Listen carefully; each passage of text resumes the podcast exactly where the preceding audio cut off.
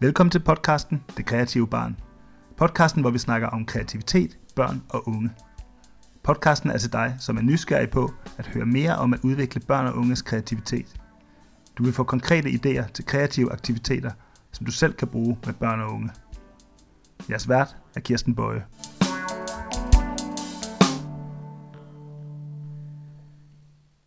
Hej, og velkommen til syvende afsnit af podcasten Det Kreative Barn. Jeg hedder Kirsten Bøje, og jeg lever af at lave workshops, der udvikler børn og unges evne til at få nye idéer. Og så holder jeg foredrag for voksne pædagoger og forældre om, hvordan de kan skabe nytænkning med børn og unge. Podcasten i dag handler om en særlig metode til at skabe kreative løsninger på, nemlig design thinking. Og til at blive klogere på det, så har jeg inviteret Maria Therese Rasmussen ind, som har en kandidatgrad i designledelse fra Syddansk Universitet, og som nu blandt andet arbejder med designtænkning i sit job. Velkommen til dig, Therese. Tak, Kirsten. Vil du ikke starte med at fortælle om dit job, og hvordan du bruger designtænkning i det? Jo, jeg arbejder i øh, Sydjords Kommune, hvor jeg sidder i noget, vi kalder udviklingsenheden for velfærd, som er et team, der kører tværgående mellem øh, IT og digitalisering og mellem velfærdsområderne. Øh, og der prøver vi at arbejde med forskellige udfordringer, som der kan være ude i, øh, ude i forretningsområderne, som vi kalder velfærdsområderne. Øh, og de her udfordringer, dem tager vi ind i det her designtænkning paradigme, hvor vi simpelthen øh, prøver at definere udfordringen, sige, hvad er det for en kompleksitet, du står med i din hverdag, hvad er det for øh, en, øh, en løsning, du måske kunne have brug for, som vi måske kan løse med noget velfærdsteknologi eller med en eller anden form for digital optimering. Og det vi så ligesom gør, det er at gå ud og undersøge de her problemer. Det kan være, at der er nogen, der kommer ind og siger, at vi vil gerne øh, prøve at gøre det her lidt smartere. Øh, vi vil gerne bruge vores øh, biler mindre eller et eller andet. Og så går vi ud og simpelthen undersøger, jamen, kan der være nogle underliggende problemer, som en leder eller en medarbejder ser, som, øh, som de slet ikke er, er klar over endnu. Og øhm, så går vi simpelthen igennem nogle forskellige øh, faser, rent projektledelsesmæssigt, hvor det er, at vi starter med at undersøge behovet og problemstillingen. Så prøver vi at fortolke på det og sige, jamen, hvor er det faktisk, der er noget interessant? Hvor er der noget viden, som, øh, som øh, alle ikke øh, er informeret om? Og så prøver vi at skabe nogle løsninger ud fra den viden. Øh, og det bruger vi designtænkning til som en, et paradigme og som en, en generel øh, filosofi, vi bruger. Øh, og så tager vi designmetoder ind i vores projektledelse og prøver på at, at være kreative ud fra dem og skabe nye løsninger ud fra dem og få folk til at tænke over, hvordan kan jeg gøre min hverdag bedre og smartere og skabe mere velfærd. Så groft sagt, så er der de her forskellige faser i designtænkningen, øh, hvor I undersøger behov, og I får kreative idéer, og I tester, ja. og I redesigner. Lige er det sådan en måde, man kan skære det ud? Ja, lige præcis. Helt ud i. Ja. Og efter, siden vi har jo snakket sammen de sidste uger om det her, øh, og jeg har læst meget om designtænkning, så har jeg opdaget, at jeg bruger egentlig nogle af de her faser automatisk, når jeg laver kreative workshops med børn og unge. Øh, uden at have været bevidst om, at man kalder det for designtænkning, eller at det indgår i det samme.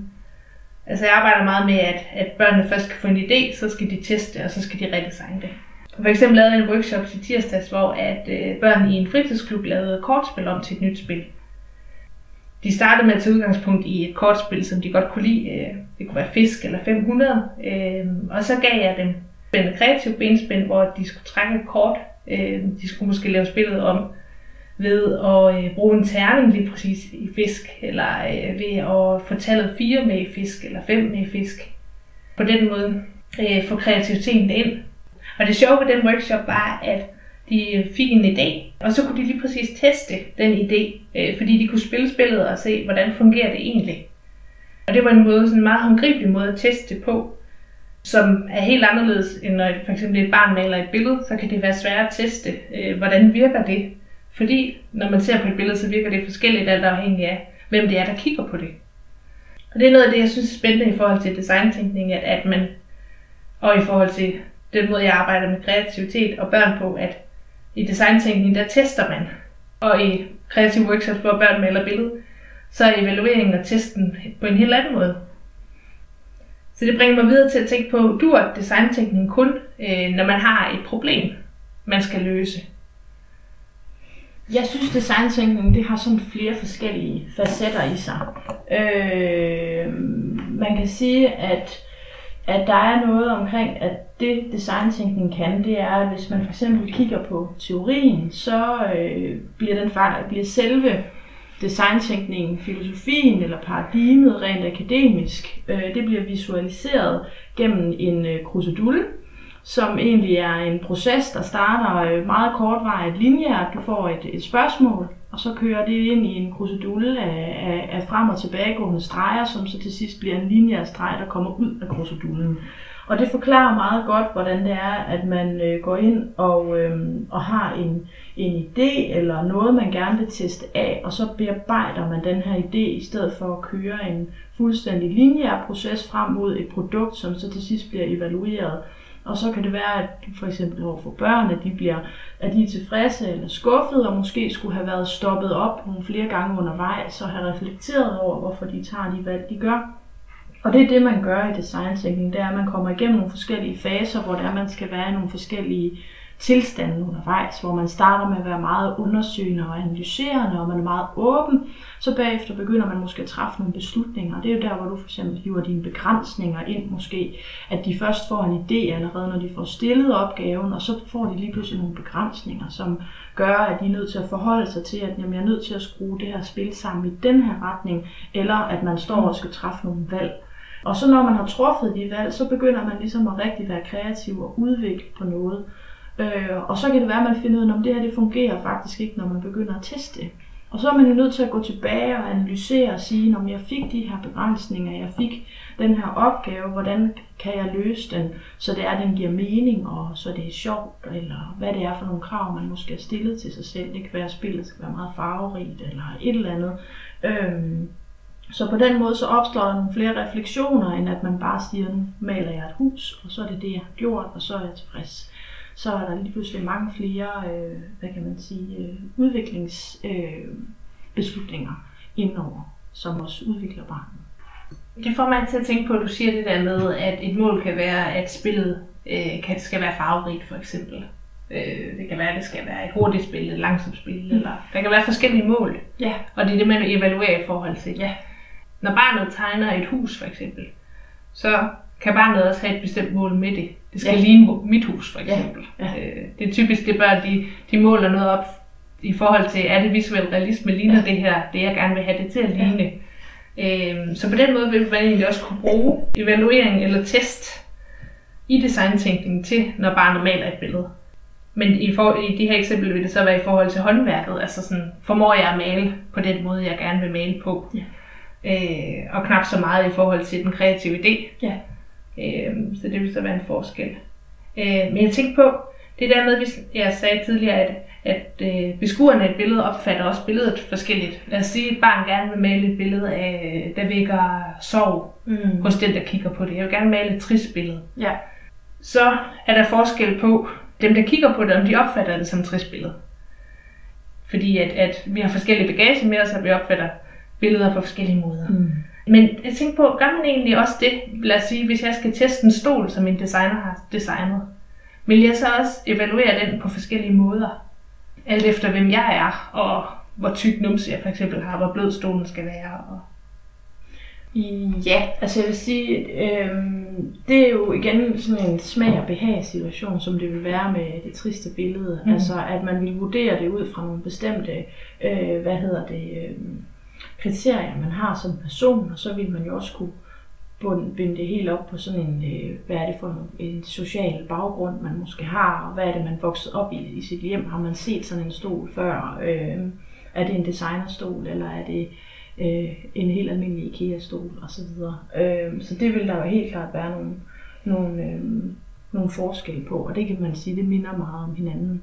Der hvor jeg også ser, at der er nogle store fordele ved design det er netop det der testdelen, øh, at man prøver at sige, at vi laver måske nogle flere tests undervejs, i stedet for at man laver et stort, stort, stort projekt, i hvert fald i mit arbejde, og så vælger at sige, om så står man lige pludselig med et produkt, som man finder ud af, om det er der faktisk helt vildt mange fejl i, eller der er rigtig mange arbejdsgange, vi ikke har tænkt over at skulle passe ind i det produkt. Øhm, og det kunne fx det er tit IT-løsninger, hvor vi måske udvikler en app eller et eller andet, som, som gør, at jamen, vi finder ud af en masse ting undervejs. Og ved at vi tester, det gør, at vi kommer tættere på virkeligheden og tættere på de behov, vi faktisk skal have dækket, som vi jo har fundet ud af hen ad vejen. Men der vil altid være noget, der er anderledes, når det er, at folk de endelig skal sidde og, og forholde sig til et objekt, som vil være anderledes fra det, man havde forestillet sig gennem processen. Og så er det jo fedt, at man har tænkt test og, og, og noget af det ind i processen undervejs. Men, så hvis vi igen skal overføre det til børn, så en måde at teste børns øh, kreative idéer på en kreativ workshop kunne være at lave skitser undervejs. Ja. For eksempel sige, hver halve time skal I lave en ny skitse af, hvor er jeres idé nu? Hvordan ser jeres billede ud nu? Så kan det være, at de får et nyt benspænd, og så, øh, hvordan, så ændrer billedet sig. Så skal I lave en ny skitse. Så det kunne være en måde sådan at inkorporere designtænkning i kreative workshops. Det synes jeg også, øh, at det giver rigtig meget mening. Og det gør jo også, at man får lov til at eksperimentere meget undervejs i processen, i stedet for at man, ja, og man udvikler på sin kreativitet i processen, i stedet for at kreativiteten først opstår ved slutproduktet. En af de helt grundlæggende teoretikere, øh, der snakker om kreativitet fra 80'erne, er øh, den maltesiske professor Edward de Bono. Øh, og det er ham, der snakker om, at man både har en kreativ tankegang, som han kalder for den laterale tankegang, og en vertikal tankegang, den er altså den analytiske tankegang. Og den kreative laterale tankegang er der, hvor at, øh, man op i hjernen formår at skifte spor, altså ikke øh, finde den løsning, der ligger lige for, men øh, bruge noget stimuli til at finde en løsning, der er anderledes. Øhm, lad os sige, at man gerne vil øh, lave et spil om, for eksempel, som vi snakkede om tidligere. Så øh, for sådan at komme ud af de vaner, man tænker med, hvordan man kan lave spil, så tog jeg den der bunke kort med, hvor de kunne trække et kort. Så kan det være, at de trækker et kort, hvor der står æble på. Nå, men så skal de lave et kortspil, der handler om æbler. Og det er sådan en metode til at bryde de her kreative vaner. Og få borger i en lateral tankegang. Modsat den analytiske, hvor man vil tænke, om jeg skal lave et nyt kortspil, hvilke andre kortspil kender jeg, og hvordan kan jeg kombinere det. Så det er sådan en metode at komme helt ud på. Og det er de her to tankegang, den kreative analytiske, øh, som man ifølge Edward de Bono kan skifte imellem. Og få en idé, og så bagefter kigge på, hvordan er den her idé så i praksis? Hvad kan jeg arbejde videre med? Han har også lavet en anden metode, de seks tænkehatte, hvor at, så man kan bruge til en kreativ proces, hvor man skifter forskellige roller. De har forskellige farver, hvid, gul, rød, øh, grøn, sort og blå. Og definerer simpelthen, hvor i, i den her idégenereringsproces man er, sådan så når man laver idéer sammen med en gruppe, så er man samme sted, så sidder der ikke en ved bordet hele tiden og siger, nej, det er en dårlig idé, det kan vi ikke, eller der sidder en og siger, lad os gøre det, og lad os gøre det. Det er sådan en metode til at sikre, at alle er det samme sted i processen. Og sige, nu har vi den grønne hat på. Så er det her, vi må komme med de kreative idéer. Det er jo det, der inden for designtænkning hedder ideat, øh, hvor man også har den hvide hat, som man egentlig i designtænkning starter med, øh, hvor man indsamler det data, øh, man skal bruge. Og så har man så den gule og den sorte til at vurdere og teste og lave prototyper. Så det er egentlig nogle af de samme processer, designtænkning gør brug af, øh, men hvor Edward de Bono kalder det for tænkehatte.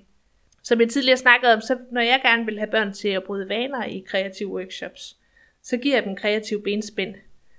Det kan være, at der er et barn, der tegner øh, tanks hver dag i SFO'en. Øh, og jeg tænker, det kunne være spændende at se, hvad kunne han ellers tegne, hvis vi lige får skubbet ham lidt øh, hen på en anden kurs?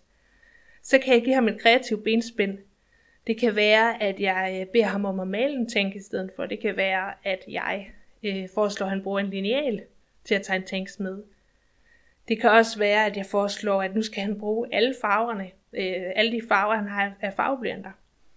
Øh, men på den måde skubber ham lidt ud af hans vaner, men samtidig beholder hans interesse for tanks øh, og give ham lov til at arbejde videre med det, som han synes er rigtig spændende. Men Therese, hvornår er der i designteknikken behov for den her kreative tilgang? Øh, og hvordan gør man egentlig, når man skal have den frem? Det jeg oplever med voksne, det er, at, øh, at når jeg skal have dem til at prøve at være kreative i en eller anden øh, forstand, så, øh, så prøver jeg at tage det udgangspunkt, at de jo selvfølgelig har en helt anden tankegang, end børn har, som som regel altid er meget mere kreative, end voksne er. Og øh, der skal ikke så meget til, for at voksne er kreative, fordi det ofte handler om, at, øh, at man måske fjerner computeren, man øh, giver dem nogle øh, nye øh, måder at inspirere øh, dem på, og så prøver man ligesom at sige, jamen nu skal du prøve at bruge din, din kreative tankegang på en ny måde, eller i hvert fald tænke på et problem på en ny måde. Øhm, og så kan man sige, jamen gør vi det ved at bare lege med en masse post-its og nogle plakater, det gør vi på sin vis, ja, men vi prøver egentlig også at sige, jamen øhm, at øh, sådan helt i praksis har jeg gjort det meget med at for eksempel at tage en, øh, en metode som brainstorm og øh, vende den på hovedet og sige, nu er det en bagvendt brainstorm, hvor vi skal prøve i stedet for at sige, hvordan kan vi gøre det her bedre, så skal vi tale om, hvordan vi kan gøre det hele værre.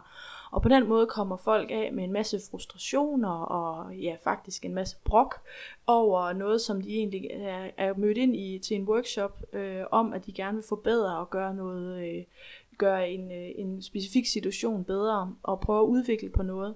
Og så prøver man ligesom at komme ind i en speciel tankegang, hvor man laver noget, der faktisk er ukonstruktivt som voksen. Vi bruger simpelthen tid på noget, som, som, øh, som vi har brug for at komme af med en masse frustrationer, og så prøver vi at bearbejde det ind i, i at lave et mere kreativt rum på den måde. Og det gør også, at folk ligesom får rystet posen, som jeg plejer at kalde det, øhm, og man kommer, øh, man, man bliver lidt mere øh, afslappet omkring dem, man skal samarbejde med, fordi man lige har fået lov til måske at grine lidt undervejs. Jeg synes, det er en genial metode til lige at, at komme i gang, og også vise, at, at det her det bliver sjovt. Det bliver ikke bare, øh, når de kommer med en indstilling om, at øh, og nu skal vi sidde og høre på Therese i tre timer, og det gider jeg ikke. Så bliver de lige rystet lidt. Jeg synes, det er rigtig sjovt. I forhold til børn, så kan de jo godt have et issue med at tegne. Jamen, jeg tegner grimt. Øh, så jeg tænker på, om det i virkeligheden er det samme, jeg gør, når jeg beder dem om at tegne øh, den grimmeste tegning først. Altså, jeg kunne godt starte en workshop på den måde. Øh, med at sige, nu skal du tegne det grimmeste, du kan, for ligesom at få den ud. Så er vi ligesom det skridt videre. Det kunne være en måde at, at, øh, at bruge den der bagvendte brainstorm på i, i forhold til børn og unge. Jeg tænker især, at det kan være relevant for de børn, som sætter mange begrænsninger for sig selv, at så, at så kan de komme af med noget, eller de skal måske prøve at tegne grimt, fordi det har et formål, eller gøre noget grimt med et bevidst formål. Altså, at der er nogle muligheder i det. Det jeg også oplever, øh, det jeg også oplever, det er, når jeg for eksempel skal, øh, nu har jeg lige holdt kursus i grafisk facilitering, og, og der sidder jeg i en gruppe med, med, med en flok kvinder, som både har meget erfaring med at tegne, og har ingen erfaring med at tegne, og hvor nogen har en indstilling om, at det er bare rigtig svært, og det er ikke noget, jeg gør særlig meget, fordi det er svært, og andre har en indstilling om, at det, det er noget, de gør meget, og så er det nemmere for dem. Og det gør, at når man tager tingene helt ned på et basisniveau i forhold til grafisk facilitering, så siger man egentlig, jamen her har du noget, du kan arbejde ud fra. Øh, du får nogle meget simple øh, værktøjer til at lave nogle få symboler, streger og pile, og prøve at sige, jamen hvordan kan jeg tage et helt almindeligt skriftligt referat og prøve at give det noget liv, øhm, og gøre det mere simpelt måske at læse et øh, referat, øh, eller stå og skrive noget på et whiteboard, hvor man ikke skal stå og skrive spalte op og spalte ned. Men i stedet for at sige, jamen, hvordan kan jeg visualisere alt det, vi egentlig prøver på at øh, nå frem til på et møde. Du lytter lige nu til podcasten Det Kreative Barn med Kirsten Bøje. Husk, at du altid kan finde mere inspiration til at udvikle børn og unges kreativitet ved at følge vores Facebook-side, Den Kreative Afdeling, eller vores blog, som du finder på www.denkreativeafdeling.dk. Når jeg holder personalekurser for pædagoger øh, i børnehaver, SFO'er eller fritidsklubber, så har jeg ofte en øvelse med, hvor jeg bruger mel og vand og skære og farvet papir, øh, som jeg stiller op på et bord. Og så beder jeg dem om at gå hen, og så bruge øh, 10-15 minutter på bare at eksperimentere. Så de får ikke nogen instrukser, de får bare besked på, at nu skal I lave noget. Øh, og det, det er rigtig sjovt, fordi de starter med at være meget usikre og kigge på hinanden og sige, hvad skal vi lave det her? Skal det blive til noget? Skal det udstilles? Skal det gemmes, siger de så. Øh, jeg siger, de får ingen instruktioner, så de går bare i gang. Og så er det sjovt, altså så begynder de at tage hænderne i det. Tage melet op og finde ud af, hvad kan man egentlig med det her mel?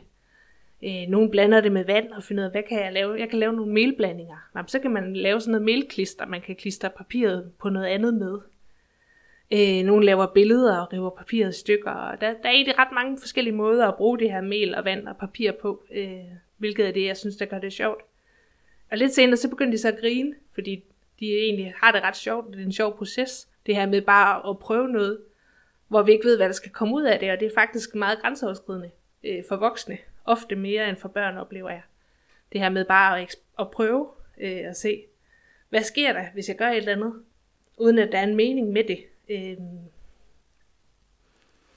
og i forhold til teorien, så er det jo det, John Dewey, han siger, learning by doing, at man, man skal prøve at gøre et eller andet. Øh, man kan tage noget mel op og blande det med noget vand, og så kan man se, Nå, hvad skete der så? Så når jeg har gjort det, så kan jeg prøve noget andet, og så kan jeg reflektere over, hvad skete der så? Og tit i de her processer, så opstår det, at, at øh, de får øh, måske lavet en øh, dejklump, øh, og begynder at modellere den, og så lige pludselig ligner den, øh, lad os sige, en gris. Og så arbejder de videre med, at nu er det en gris, jeg laver. Øh, så kommer de måske til at trykke lidt for meget på maven, og så synes de, at nu er det en ko i stedet for, eller øh, nu blev det egentlig til en tallerken i stedet for. Og så hele tiden så finder de på nye idéer ud fra det, de lige har skabt, øh, fordi der kommer ny stimuli til dem. Udtrykket ændrer sig. Øh, de snubler over nye idéer, kan man sige. Det er jo egentlig den måde, som mange kunstnere også arbejder på. At de laver en streg på et lærred, og så finder ud af, hvad ligner det her egentlig? Så laver jeg et billede af en kanin. Øh, jeg var lige nede og se den udstilling på Ars af, øh, hvad det hedder, ham med action painting, øh, kunstneren Julian. Jeg kan ikke helt huske efternavnet. Men øh, der så jeg, at han kaster jo øh, stof med maling på op på lader. På et eller andet havde han gjort det, og så havde han syntes, om det ligner en kanin. Og så var det billede kommet til at handle om en kanin. Øh, så han havde slublet over den idé. Er, er det noget, du oplever, Therese, i din øh, designtænkningsprocesser?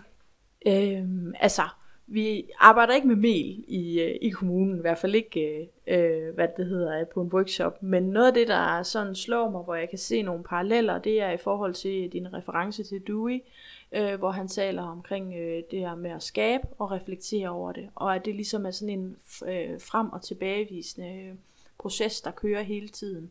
Og det er også noget, vi prøver på at, at få folk til at arbejde med ved, at, øh, at vi ofte får stillet, øh, når vi har et projekt, får stillet nogle, øh, en, en, øh, et problem over for os, som vi ligesom skal have løst. Og så når vi er kommet igennem nogle af de her analytiske processer, så kan vi ligesom se, jamen nu er vi faktisk nødt til at begynde at skabe noget. Og så hiver vi fat i de øh, interessenter, og dem, der skal, der skal være med til måske og skal ende med at have slutproduktet, eller de skal måske implementere slutproduktet, så vil vi gerne have dem med ind i processen. Og det vi så gør med dem, det er, at vi har blandt andet haft øh, kørt et, øh, et, det, der hedder et Google Design Sprint i øh, hjemmeplejen, og, øh, og der oplevede vi især det der med at bede folk om at arbejde individuelt, og så præsentere noget i fællesskab. At man så egentlig får, får øh, for eksempel i fællesskab, så får man øh, fremvist, jamen nu skal I alle sammen inspirere hinanden med en ny teknologi, og så skal alle folk begynde at, at researche på en ny teknologi, så skal de forberede en, en pitch, så skal de præsentere en ny teknologi, og så skal de alle sammen i øh, hver især bruge alle de, det, de har inspireret hinanden til, til at begynde at simpelthen tegne en prototype.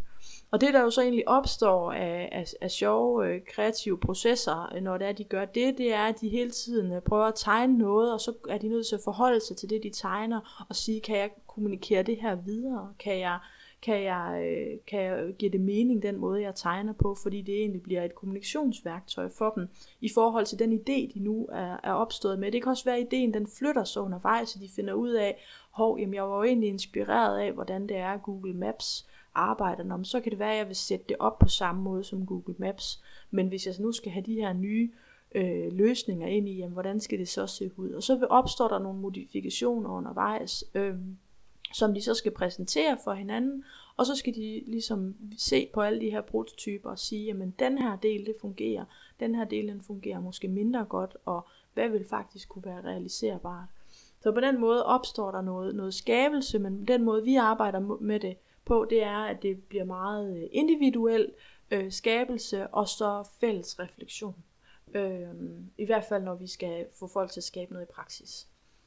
Igen så sidder jeg og tænker på, hvordan vil det her være, øh, hvis man laver en workshop på samme måde, som du siger med, at de skal sidde hver for sig og skabe noget. og så skal de reflektere fælles, og så skal de skabe noget og reflektere fælles. Øh, og for mig at se, så bliver det, øh, det kunne være et sjovt eksperiment at lave, øh, men det vil blive en meget styret workshop. Øh, med frem og tilbage hele tiden. Så i forhold til nogle af de andre workshops, jeg laver, så, så vil, vil øh, kreativiteten mest øh, en del frihed i virkeligheden øh, ved en kunstner, der måske vil være i flow. Et barn, der maler på et tidspunkt vil være i flow, og så lige pludselig så siger, øh, så siger jeg, stop, nu skal vi alle sammen mødes og vise vores billeder frem. Mm. Øh, men det kunne være interessant at se, fordi så kunne de netop få, det kunne være en måde at styre den her refleksion på, øh, og snakke om, hvordan er mit billede lige nu, og hvor skal jeg hen næste gang. Så jeg ser både fordele og ulemper ved at gøre det på den måde sammen med børn og unge. Men der er helt sikkert også forskel på, når man maler et billede med børn, og når man laver en designproces med børn. Øh, at det kunne være sjovt at styre det på den måde. Som jeg startede med at snakke om i begyndelsen af podcasten, så arbejder jeg meget med at udvikle børns evne til at få nye idéer. Øh, og det er egentlig den, der, den form for kreativitet, der er mit fokus. Det der med at lære dem øh, kreativiteten at få nye idéer. Øh, og så har jeg arbejdet knap så meget med, øh, at de skal skabe noget, der har en værdi for nogen, eller ligesom man gør i designtænkning. Jeg har dog arbejdet med det der med at lave nye kortspil. Men jeg er egentlig vant til at, at arbejde med, at børn de skal udvikle deres evne til at tænke kreativt, for at lære det. Øhm, og sådan har jeg egentlig tit, eller længe haft det, fordi jeg ønsker ikke at skulle måle værdien af øh, deres produkt. Øh, jeg har altid haft fokus på læreprocessen, det at de flytter sig fra. De startede med at male billedet, og til de er færdige med at male billedet. Øh, og så sammen med børnene øh, stille dem de spørgsmål, der får dem til at reflektere over, hvad har jeg egentlig lært af det her? Og så ikke vurdere, om deres billede er til et 10-tal eller et 12-tal. Øh, men om man kan også godt se, det der med at skabe noget af værdi, øh, kan være rigtig spændende. Øh, her i foråret, der lavede jeg et projekt i en fritidsklub, hvor at, øh, vi lavede sådan et øh, flere ugers øh, innovationsforløb, hvor at øh, vi samarbejdede med Brosen øh, og løste nogle af deres udfordringer ved hjælp af nogle kreative metoder øh, fra innovationsprocessen. Og jeg kunne godt se, at det gav noget af det der med, at børnene skulle ned og præsentere deres idéer for dem, der arbejder i Brosen. Øh, og det var faktisk det, de havde skabt. Det var noget, der kunne bruges i virkeligheden. Det var ikke bare noget, vi legede. Så jeg synes også, det er spændende det der med at skabe noget, der har værdi for nogen i en kreativ proces. Og for at man kan det, for eksempel ved hjælp af en innovationsproces eller en designproces, så har man jo brug for øh, kreativiteten. Man kan sige, at det er en form for brændstof i de her øh, kreative eller designtænkning processer. Så det er en forudsætning for, at man kan tænke kreativt. Så på den måde, så, øh, så spiller de her to processer egentlig sammen, øh, den kreative proces og designprocessen. Når jeg har fokus på børns øh, læreproces primært, og ikke så meget øh, fokus på deres produkt, så handler det jo meget om, at jeg gerne vil skabe sådan et lejende, kreativt, eksperimenterende rum, hvor de netop kan lære noget, øh, og hvor de ikke bliver stillet til ansvar for, hvilket produkt, der kommer ud af det. Øh, fordi det netop kan sætte barnet i nogle situationer, som at de får præstationsangst, om jeg kan ikke tegne, eller jeg kan ikke male et billede, men, men de skal ligesom bare eksperimentere og have hænderne ned i det, og lege. Øh, det er sådan min tilgang til det. Øh, men Therese, hvilken betydning har øh, formålet øh, med processen for voksne? Den har en rigtig stor betydning, fordi at i hvert fald i den kommunale kontekst, jeg er i, så fordi vi arbejder mod, øh, mod at skabe noget, som har et formål for nogen, og som skaber nogle gevinster, så er det vigtigt, at hvis vi selv laver et eller andet, der er kreativt, og hvor vi prøver på at tænke nyt, jamen så ligger der, uanset øh, hvor lang tid vi bliver i det kreative rum, så ligger der hele tiden et formål bag, og det kunne så for eksempel være, at vi prøver på at, at gøre tingene smartere, jamen hvordan kan vi gøre det? Jamen det øh, prøver vi at finde ud af igennem en kreativ proces. Øhm, så, øh, så formålet har øh, en, en øh, det fylder meget. Øhm. Jeg synes, det har været spændende at høre mere om øh, både den proces, designtænkning er med de forskellige faser, øh, også hvordan designtænkning er bundet så meget op på at skabe noget og øh, teste det og redesigne det. Øh, og det har været spændende at snakke med dig om, hvordan hænger det sammen med den måde, som jeg laver kreativ workshop på med børn og unge. Øhm, tak Kirsten, fordi jeg måtte være med. Jeg synes, vi har fundet nogle interessante koblinger, som får en til at reflektere over, hvad det er, man skaber, og hvor stor en del øh, kreativiteten fylder i hverdagen. Tak fordi I lyttede til podcasten Det Kreative Barn. Podcasten om at udvikle børn og unges kreativitet. Hvis du vil være sikker på at følge med i podcasten Det Kreative Barn, kan du abonnere på podcasten i din podcast-app.